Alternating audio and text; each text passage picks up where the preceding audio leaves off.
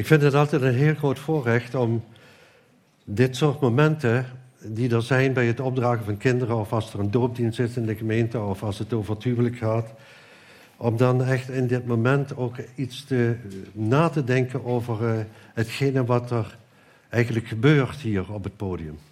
Wat er gebeurt in de gemeente, hoe we ons daarop voorbereiden en wat de inhoud is. Dat doen we ook altijd met het echtpaar, die kinderen opdragen. En dan gaan we eerst naar de inhoud. Wat is eigenlijk de inhoud? En daarna kiezen we de vorm.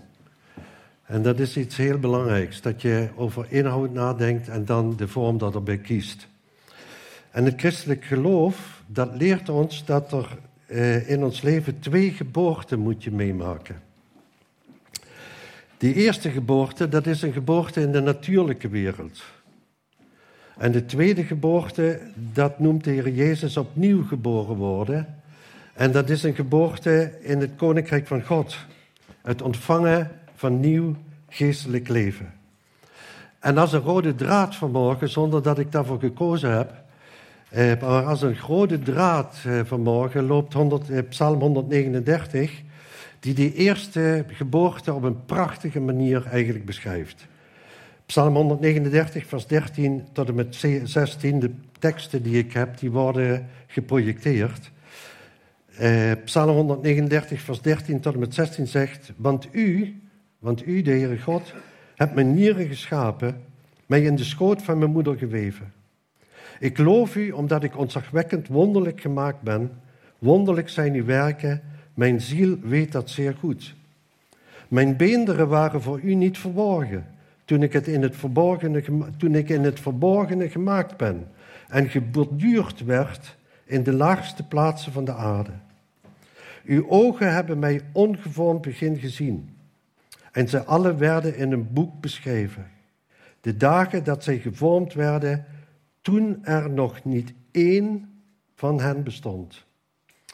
En die eerste geboorte, die ontvangen we omdat God schepper is.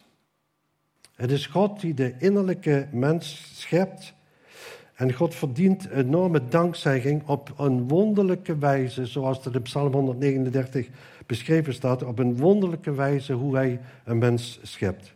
Niemand anders zag dat ontzagwekkende, wonderlijke begin van dat kleine meisje, mensje in de moederschoot. Geweven dan God alleen. En toen hij haar of hem nog zag als een embryo, zag God dat hij die, dit ook al opgetekend had. Die levensdagen, die levensduur heeft hij vastgelegd en opgetekend in een levensboek. En in het diepste geheim wordt dat mensje geweven zonder dat hij of zij zelf daar weet van heeft.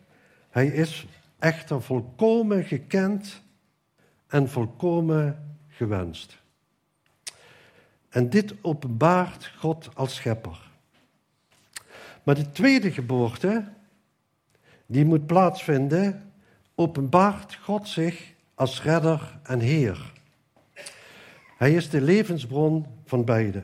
En wat ik vanmorgen met jullie over wil nadenken, naar de aanleiding van die, dat opdracht van Naomi en Noah, wil ik over beide geboorten nadenken. God als schepper en God als redder en heer. En wat betekent dat om nieuw leven te ontvangen? En wat zijn dan de verantwoordelijkheden van het gezin en van de kerk voor die pasgeborenen? En de meest indringende vraag wel is, hoe kunnen we de kinderen die we ontvangen hebben door die eerste geboorte opvoeden, zodat ze ook die ervaring kennen van die tweede geboorte? En dat is natuurlijk een onmogelijke opgave om dat in 35 minuten te, uit te leggen. En toch zal ik een poging maken. Ik wil daar eerst voor bidden. Vader, we willen u zo ontzettend danken dat we echt mogen zien wat uh, uw gedachten zijn. Dat die veel hoger zijn dan onze gedachten en uw wegen veel hoger zijn dan onze wegen. En Heere God, we willen echt zo danken voor die geboorte, uh, die natuurlijke geboorte in deze wereld. Maar uw gedachte is niet voor deze wereld. Niet alleen. Uw gedachte is dat we eeuwig bij u zullen zijn en genieten van de heerlijkheid van Jezus Christus. Voor eeuwig. Maar daarvoor moet er een tweede wedergeboorte, een nieuwe mens geschapen worden. En wilt u me de woorden geven om dat vanmorgen in die kort tijdsbestek zo diep aan onze harten te brengen, dat het ons openbaart of we nu wederom geboren zijn of niet, dan wil ik u zo bidden ons op te wekken van diegenen die kennen de Heere God als hun vader. En ik bid zo voor diegenen die hier zitten en daar geen weet van hebben. Dat u met uw heerlijkheid komt om ons dat te openbaren. Dit bidden we u in Jezus' naam. Amen. Ik weet niet of u zich realiseert eh, de keuze die God gemaakt heeft, eh, hoe die een mens schept. Dat hij eigenlijk niet deed zoals hij Adam geschapen heeft. Hij vormde Adam uit een, eh, uit een eh, stukje eh, aarde en blies eh, adem in. Maar dat heeft God nu niet verder zo gedaan. Hij heeft man en vrouw geschapen in een huwelijksverbond. En in die unieke kracht te schenken, in dat verbond, nieuwe mensen op deze wereld te brengen. Ik vind het al een wonderlijke gedachte. Dat God deze weg gekozen heeft. Niet zo de weg van Adam, dat hij het zelf schept, maar dat een vader en een moeder, een vrouw en een man, dat die daarbij betrokken zijn. En de mens die wordt geboren uit een vrouw. Ik vind het zo prachtig als over Jezus geschreven wordt in Galaten 4, vers 4. God zond zijn zoon uit, komma.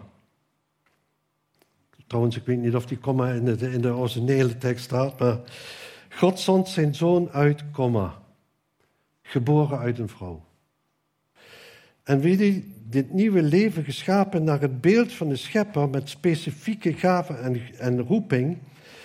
Die, dit leven wordt eh, beschreven door de Heere God in een levensboek. En dat zou eigenlijk al betekenen dat vooral ouders met diep ontzag naar dit kind mogen kijken en daarvoor mogen zorgen. Nieuw leven op de wereld zetten is, een, is de meest verantwoordelijke en ontzagwekkende wat een man en een vrouw kunnen doen. En vrouwen is het grote voorrecht ontvangen om dit leven te schenken en te voeden. En ik weet dat het soms in een huwelijk soms heel moeilijk is. Als het eh, moederschoot, dat wil ik echt ook noemen, daar werd ik ook echt bij bepaald. Dat eh, als je een kinderwens hebt en de moederschoot blijft gesloten en je verlangt zo naar een kind. Je ziet het verdriet ook in de Bijbel, bij Sarai, bij Rachel, bij Hanna. Hoe ze bij God het diepe verlangen naar een kind echt eh, kenbaar maken. Maar soms, bij hun werd het vervuld, maar soms wordt het niet vervuld. Het is dan ook niet zo vanzelfsprekend. En ik denk dat ook in deze context dat de gemeente daar eh, aandacht voor moet hebben. Het is niet vanzelfsprekend dat er kinderen geschonken worden. En kinderen kunnen een bron van grote vreugde zijn, maar het heeft ook een enorme verantwoordelijkheid. En dat opvoeden, dat kan je soms overweldigen. En omdat wij als ouders deze grote verantwoordelijkheid ervaren, en Iwan en Jon die gaven dat ook al te kennen samen met Lilian en met uh, Ingrid. We weten als ouders dat we falen. We weten als ouders dat we fouten zullen maken. We weten dat het niet perfect zal zijn en dat wij zelf moeten leven vanuit die vergeving, vanuit die genade, vanuit die liefde. En daarom willen we openbaar maken, omdat we zelf in die gebrokenheid leven, willen we in het openbaar God zeggen, Heere God, we hebben uw hulp nodig. Heere God, we zijn van u afhankelijk. Heere Vader, we hebben de wijsheid en de kracht van u nodig om dit kind op te voeden. En de vragende roep van ouders, Heer, wilt u voor dit kind een God zijn zoals u voor ons God bent? Dat is eigenlijk het grootste eh, verlangen waar je voor Gods aangezicht staat en zegt, Heere God, wilt u zich openbaren in dit kind zoals u zich aan ons geopenbaard hebt? En de vraag en die afhankelijkheid, die drukken de ouders uit door plaatselijk in deze gemeente, zo doen we dat, plaatselijk het kind echt op te dragen aan Gods genade. Waar komt dat nu vandaan? Wat is daar de Bijbelse, het Bijbelse fundament voor? Het opdragen van kinderen, dat vloeit voort uit een voorbeeld uit Gods woord. Ik vind het een prachtig voorbeeld. In Lucas 2, vers 22, laat de tekst maar zien, daar staat, Lucas 2, vers 22 tevoren, ja. En toen de dagen van de, haar reiniging, het gaat over Maria, toen de dagen van haar reiniging volgens de wet van Mozes vervuld waren, brachten zij hem naar Jeruzalem om hem de Here voor te stellen. Dit is een ander moment, eh, zoals in de wetgeving eigenlijk eh, staat geschreven. Eh, jongens die werden op de achtste dag besneden en in de achtste dag werd hij ook al in de, eh, in de tempel opgedragen. Maar dit is een ander moment. Dit is een moment waarin Maria en Jozef samen in de tempel zijn en samen de Heer Jezus echt voorstellen. Ik vind het een wonderlijke uitdrukking om hem aan de Heer voor te stellen. Eigenlijk was het de zoon van God werd aan de Vader voorgesteld. En ze brengen hem bij, uh, in de tempel, openbaar wordt dat gedaan, om hem aan de Heere God voor te stellen. Dit was die toewijding aan God van de eerstgeborene en de zoon werd aan de Vader voorgesteld. En als wij kinderen aan God voorstellen en opdragen aan zijn genade, betekent dat niet automatisch dat hij redding ontvangt. Dit opdragen is een geloofsdaad van de ouders. Ze geven vorm en inhoud aan die belofte die bij die inzegening van hun huwelijk werd gevraagd. Wil je dit kind opvoeden eh, en hem bekendmaken met de Heer Jezus als redder en Heer? En die belofte die toen werd gegeven, krijgt vorm door dat samen in de gemeente van Jezus Christus echt te doen. Die belofte van de kinderen, Heer, we willen u ons geloof voorleven, want dat zeg je eigenlijk. Het is ontzettend belangrijk dat je eh, ten diepste beseft van Heere God, u heeft het gezin, en zal ik zo dadelijk een tekst laten zien, u heeft het gezin gekozen zodat u in het gezin dat kinderen worden opgevoed in de vrezen des Heren. In dat huwelijksverbond. En het is prachtig, die belofte om die kinderen dat voor te leven. En voor te leven dat de Heer Jezus de redder, de hun redder en Heer is. Het de kinderen, de Bijbel zegt, de kinderen het in te prenten. Nu heeft in te prenten, inprenten heeft, zeg maar, ik weet niet hoe je dat ervaart. Inprenten kan best wel een een negatieve eh, lading hebben, inprenten. Maar wat is inprenten eigenlijk? In Deuteronomium 6, vers 5 tot en met 7, daar staat, daarom zult u de Heere uw God liefhebben met heel uw hart, met heel uw ziel en met heel uw kracht. Deze woorden die ik u heden gebied, moeten in uw hart zijn. U moet ze uw kinderen inprenten en erover spreken als u in uw huis zit en als hij over de weg gaat, als hij neerligt en als hij opstaat. Wat is dan inprenten als je dit bekijkt hier in deze tekst? Inprenten, ik eh, definieer het voor mezelf zo, en dat heb ik ook zo met, me, met mijn vrouw Rietje echt zo voorgeleefd in ons eigen gezin. Inprenten is een onuitwisbare indruk op je kinderen maken. Inprenten is een onuitwisbare indruk maken door de liefde door de zorg, door het samen te leven als man en vrouw en onderwijs te geven. Maar wat kinderen zien, zal moeten worden ondersteund door onderwijs. Luister goed wat ik zeg. Wat de kinderen zien, wordt ondersteund door onderwijs. Als je onderwijs geeft en ze zien het niet, zal het averechts gaan werken. En dat is geen inprenten. Inprenten is een onuitwisbare indruk op je kind maken doordat jij zelf Jezus volgt en dat ze mogen zien, Hij is mijn Heer en Hij is mijn redder.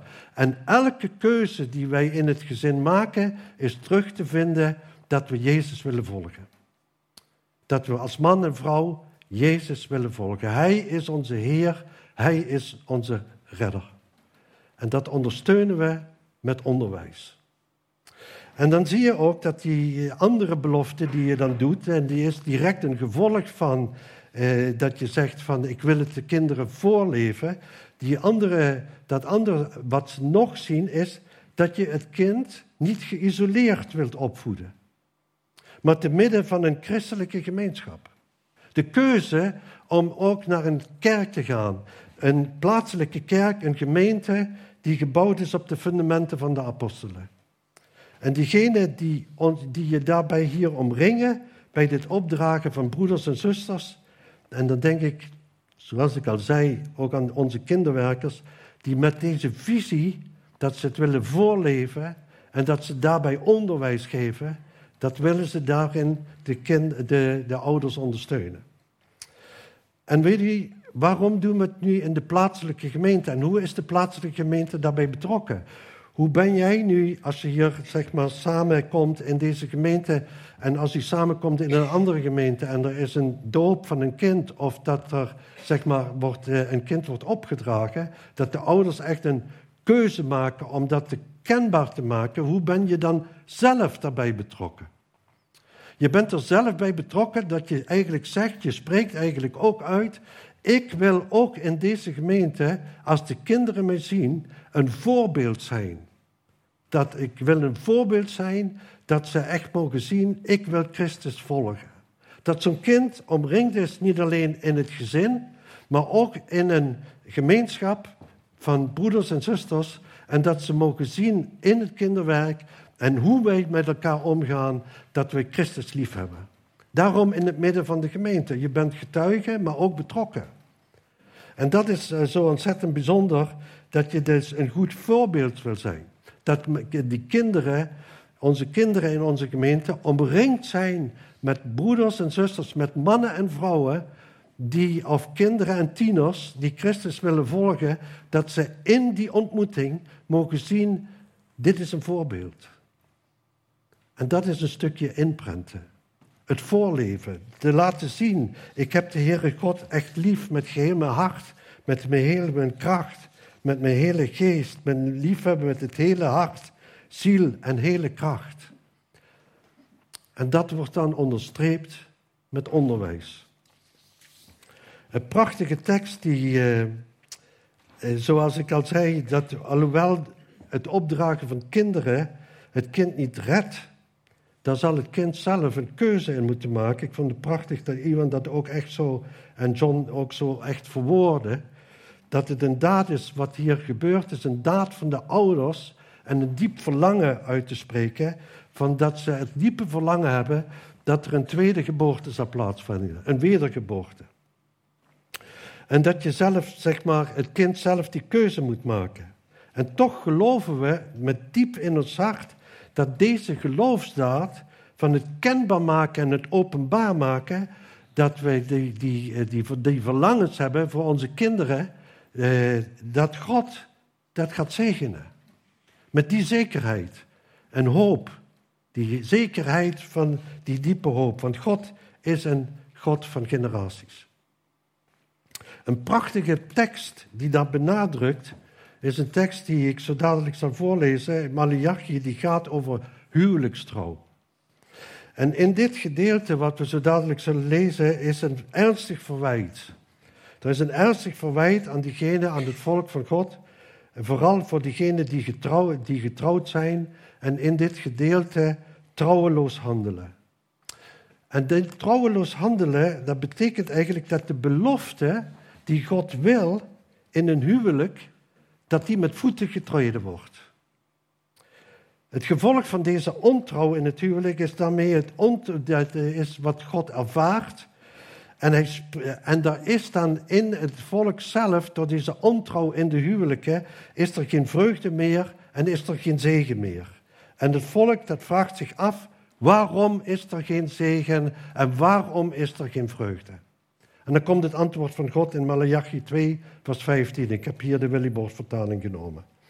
Vraagt u waarom, zegt de Heere God. En dan zegt de Heere God, die zegt, omdat de Heere getuige is geweest tussen u en de vrouw van uw jeugd.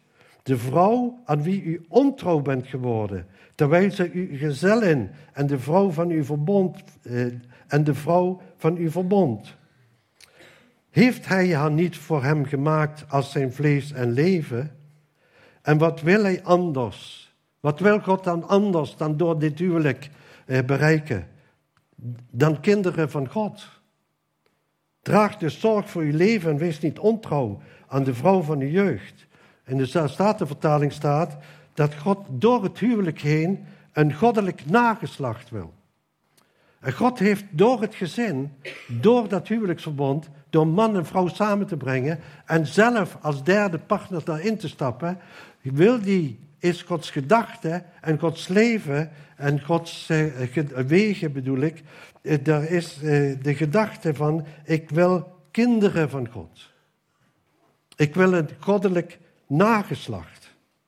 Dat is Gods wil in de geboorte van kinderen.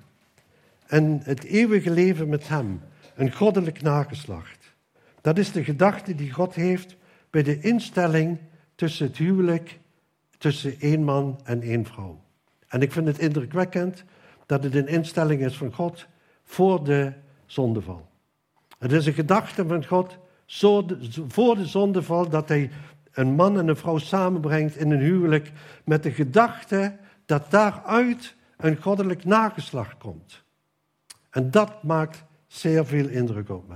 Dat maakt zeer veel diepe indruk over Gods trouw. In Psalm 105, vers 8 staat: Hij denkt aan zijn verbond voor eeuwig, aan de belofte die hij gedaan heeft, tot in duizend generaties. Ik vind het altijd prachtig als we kinderen opdragen en opa is tot geloof gekomen, de vader is tot geloof gekomen, de moeder is tot geloof gekomen, oma is tot geloof gekomen. En daardoor, door die geslachten heen. Het is een groot voorrecht als je de eerste bent. Dat je denkt van, Heere God, ik weet niet, want we weten nooit wie voor ons tot Christus kwam. Dat weet je niet, hoe Gods wegen zijn. Maar in ons geval weet ik het zelf niet. En ik vind het een groot voorrecht dat God met ons iets nieuws is begonnen. En door onze kinderen en kleinkinderen. En hopelijk het vierde geslacht. Het opdragen van kinderen werd in de vroegere kerk, of in de doop van kinderen, werd in de vroegere kerk de volgende betekenis aangegeven. Ik heb wat gelezen deze week daarover, hoe ging dat nu vroeger? Waarop bouwen we? Want ik vind het altijd belangrijk, ook als ik preek, dat ik preek in de lijn van de, van de, van de mensen die al gepreekt hebben. Want er is, je probeert altijd wat nieuws te vinden, maar dat is er niet. Er is niks nieuws onder de zon. Ik zal nooit origineel zijn op het podium. Want dat is al alle tijd al gesproken en het is al gezegd. En dan is het zo prachtig dat je dus kijkt in de geschiedenis, wat, eh, wat er dan verteld werd in de kerken eh, eeuwen terug, als een kind werd gedoopt of werd eh, opgedragen. De ouders erkenden, dat is het eerste wat ik vond, de ouders erkenden dat ze alleen gered zijn door het geloof in Jezus. Niet door iets wat ze ooit zelf gedaan hadden of ooit zouden doen, maar enkel alleen door het volbrachte werk en de dood en het kruis van Christus. Jezus, de schuld voor een zonde, had, zich, hadden ze eh, hij op zich genomen. Dat was het eerste wat er echt beleden werd als er een kind werd opgedragen. Wij zijn zondaren en we zijn gered door Jezus Christus en het is genade. Ik heb helemaal niks eraan kunnen toevoegen, ik heb niks ervoor gedaan.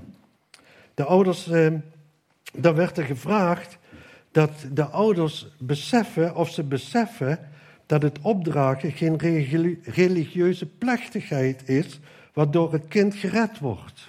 Begrijp je dat dit, dit kind zelf verantwoordelijk is voor de redding en dat ze om Christus te aanvaarden als redder en Heer? En dat zij zelf daarvoor verantwoordelijkheid moeten afleggen. En het derde, sluit je een verbond met God om je kind op te voeden in de leer, gehoorzaamheid en aanbidding van de Heer om voor hem of haar te bidden.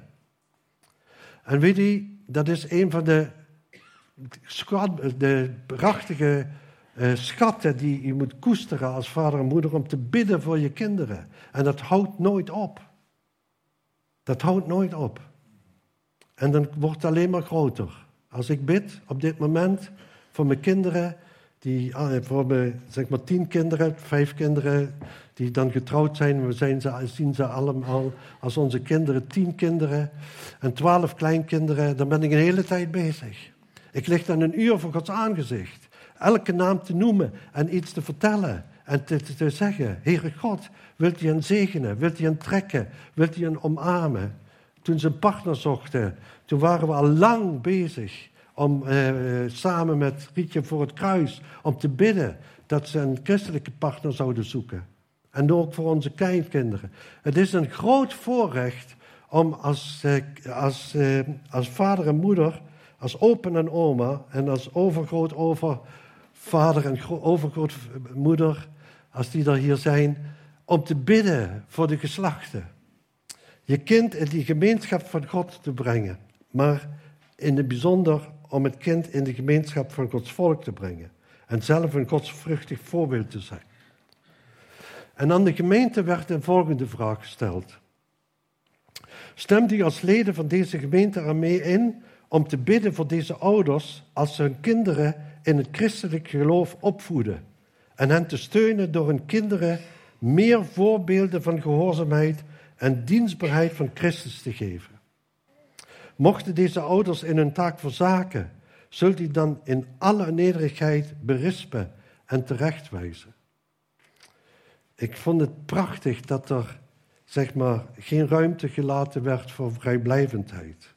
Dat is in onze tijd wel anders, maar het maakte diepe indruk op me, zeker op die voorbereiding.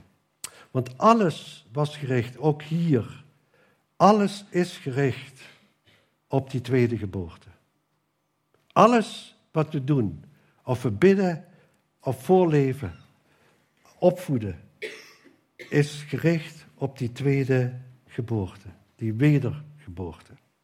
Die Jezus zo prachtig beschrijft in Johannes 3, vers 1 tot en met 6, waar Nicodemus komt en laat de tekst maar zien. En dan staat er, en er was een mens uit de Fariseeën. Zijn naam was Nicodemus, een leider van de Joden.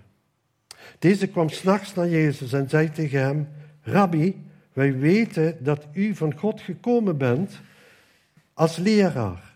Want niemand kan deze tekenen doen die u doet, als God niet met hem is.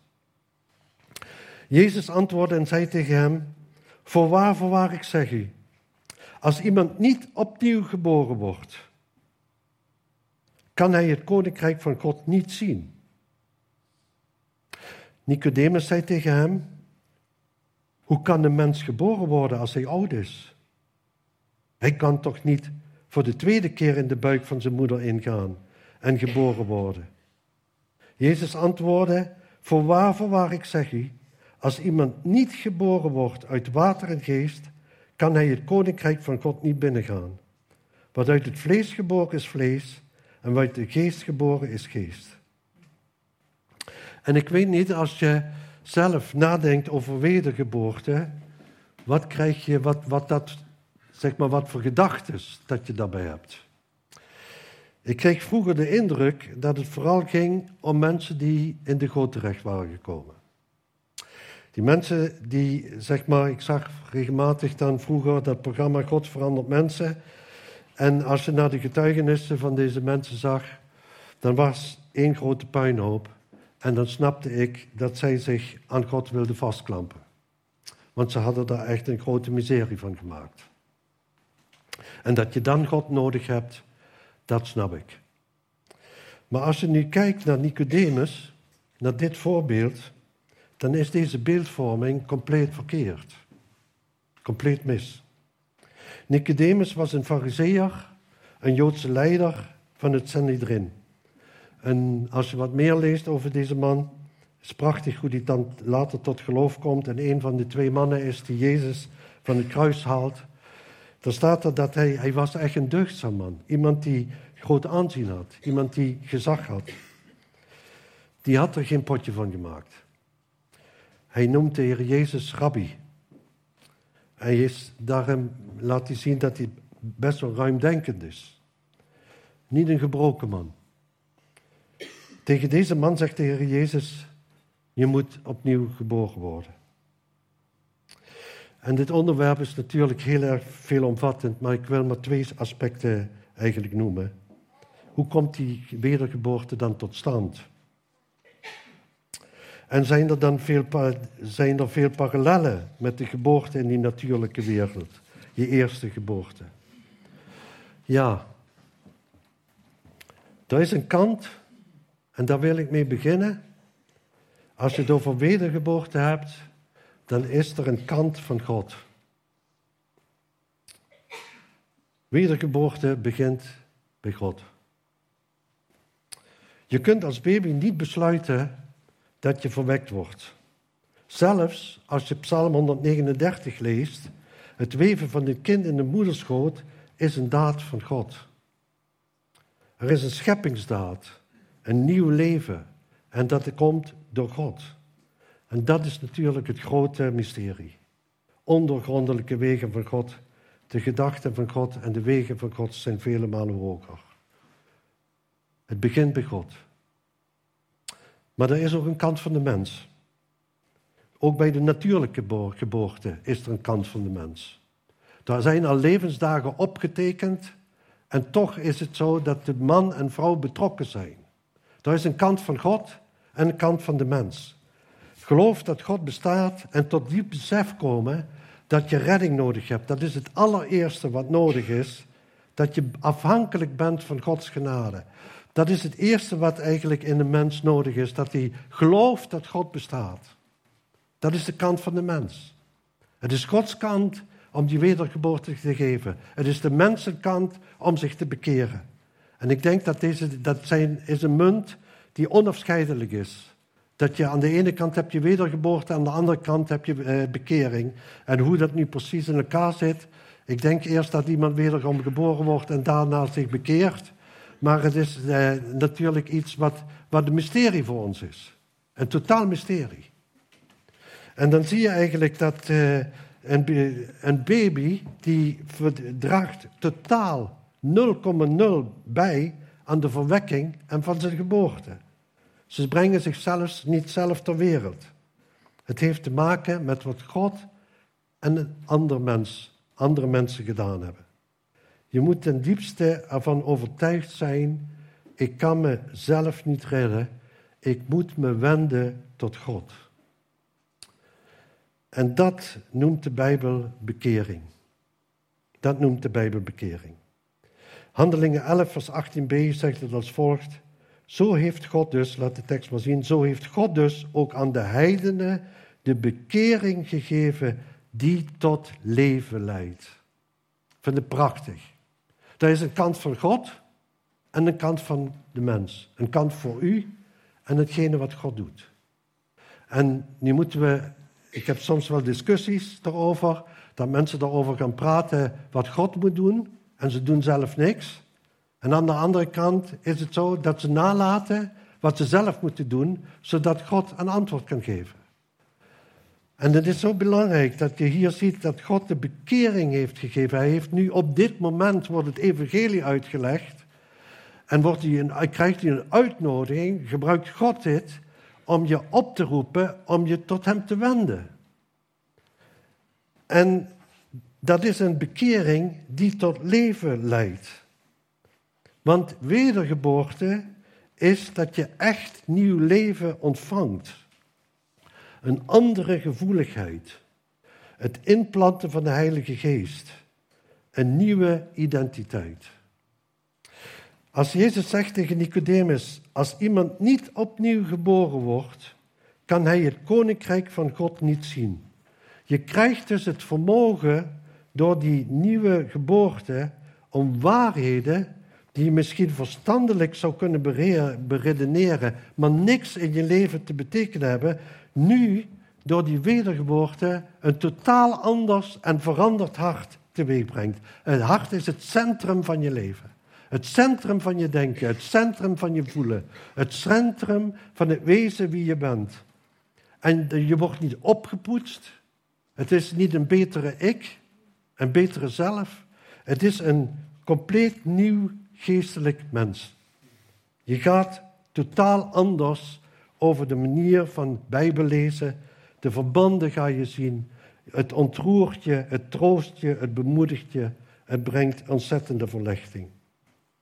En het andere aspect wat ik nog wil noemen is dat die geboorte, bij die geboorte, je krijgt een nieuwe naam. Ik vind het prachtig. Ik heet niet meer Milderechter. Ik heb een nieuwe naam die God kent. Een nieuwe identiteit. Een compleet nieuwe identiteit. Het diepe besef dat God je vader is.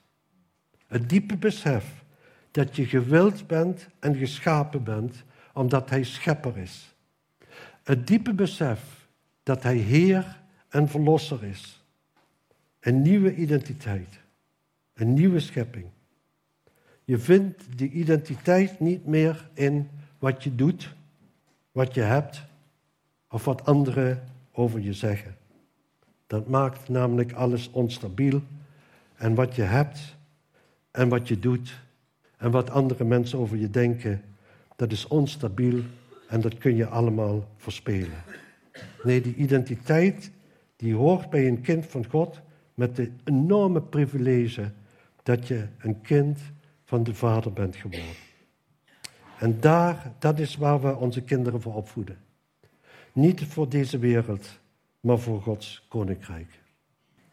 En die eerste stap wat de moeder en de vader kunnen doen, is zich wenden met het kind, zoals dat vanmorgen gebeurd is, naar God toe om het kind voor te stellen. Een dagelijks gebed te brengen en te smeken, Heer, wees ons kind genadig. Geef hem wedergeboorte. En mijn aandeel is dat ik een goede getuige wil zijn. Dat is hetgene wat we vanmorgen verlangen. Dat is ook de passie waarvoor ik mag spreken en mag preken. Die passie dat er een natuurlijke geboorte is, maar die moet leiden tot een nieuwe geboorte van een mens die een relatie heeft met de Heer Jezus. En God heeft het gezin gekozen. Als man en vrouw tot geloof komen, dan heeft hij het gezin gekozen, een huwelijksverbond gekozen en zichzelf eraan verbonden dat er een goddelijk nageslacht zal zijn. Dat is zo indrukwekkend. Laten we zo samen even stil zijn.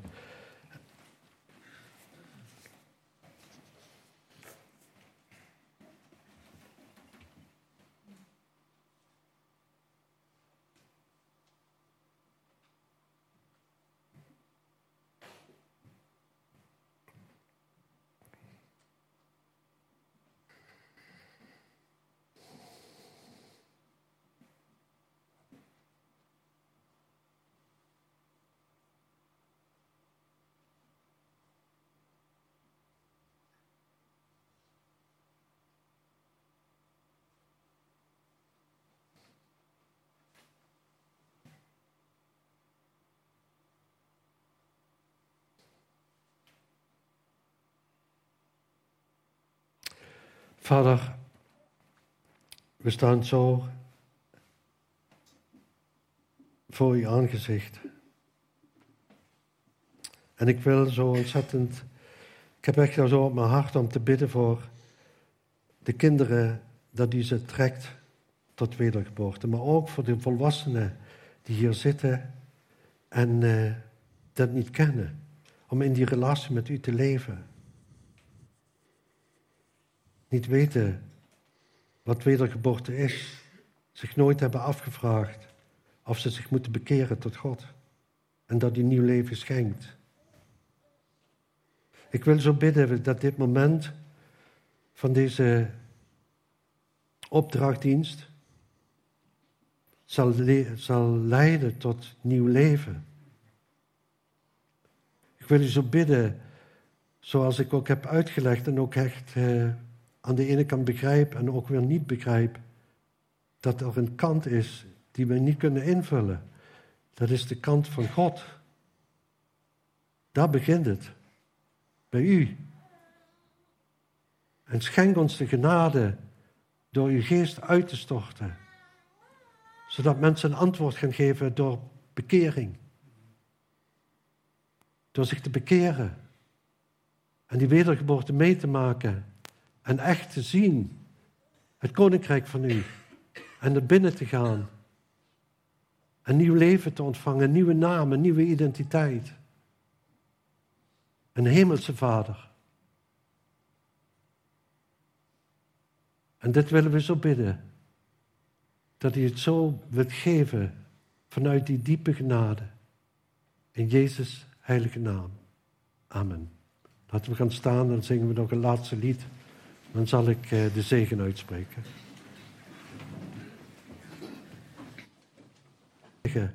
Door een zegen uit te spreken die u aan uh, Mozes gaf via Aaron. Of aan Aaron gaf. En dat we echt mogen zeggen van Heere God. De Heere die zegene u en behoede u. De Heere doet zijn aangezicht over u lichten en zij u genadig. De Heere verheffen zijn aangezicht over u en geven u vrede. Amen.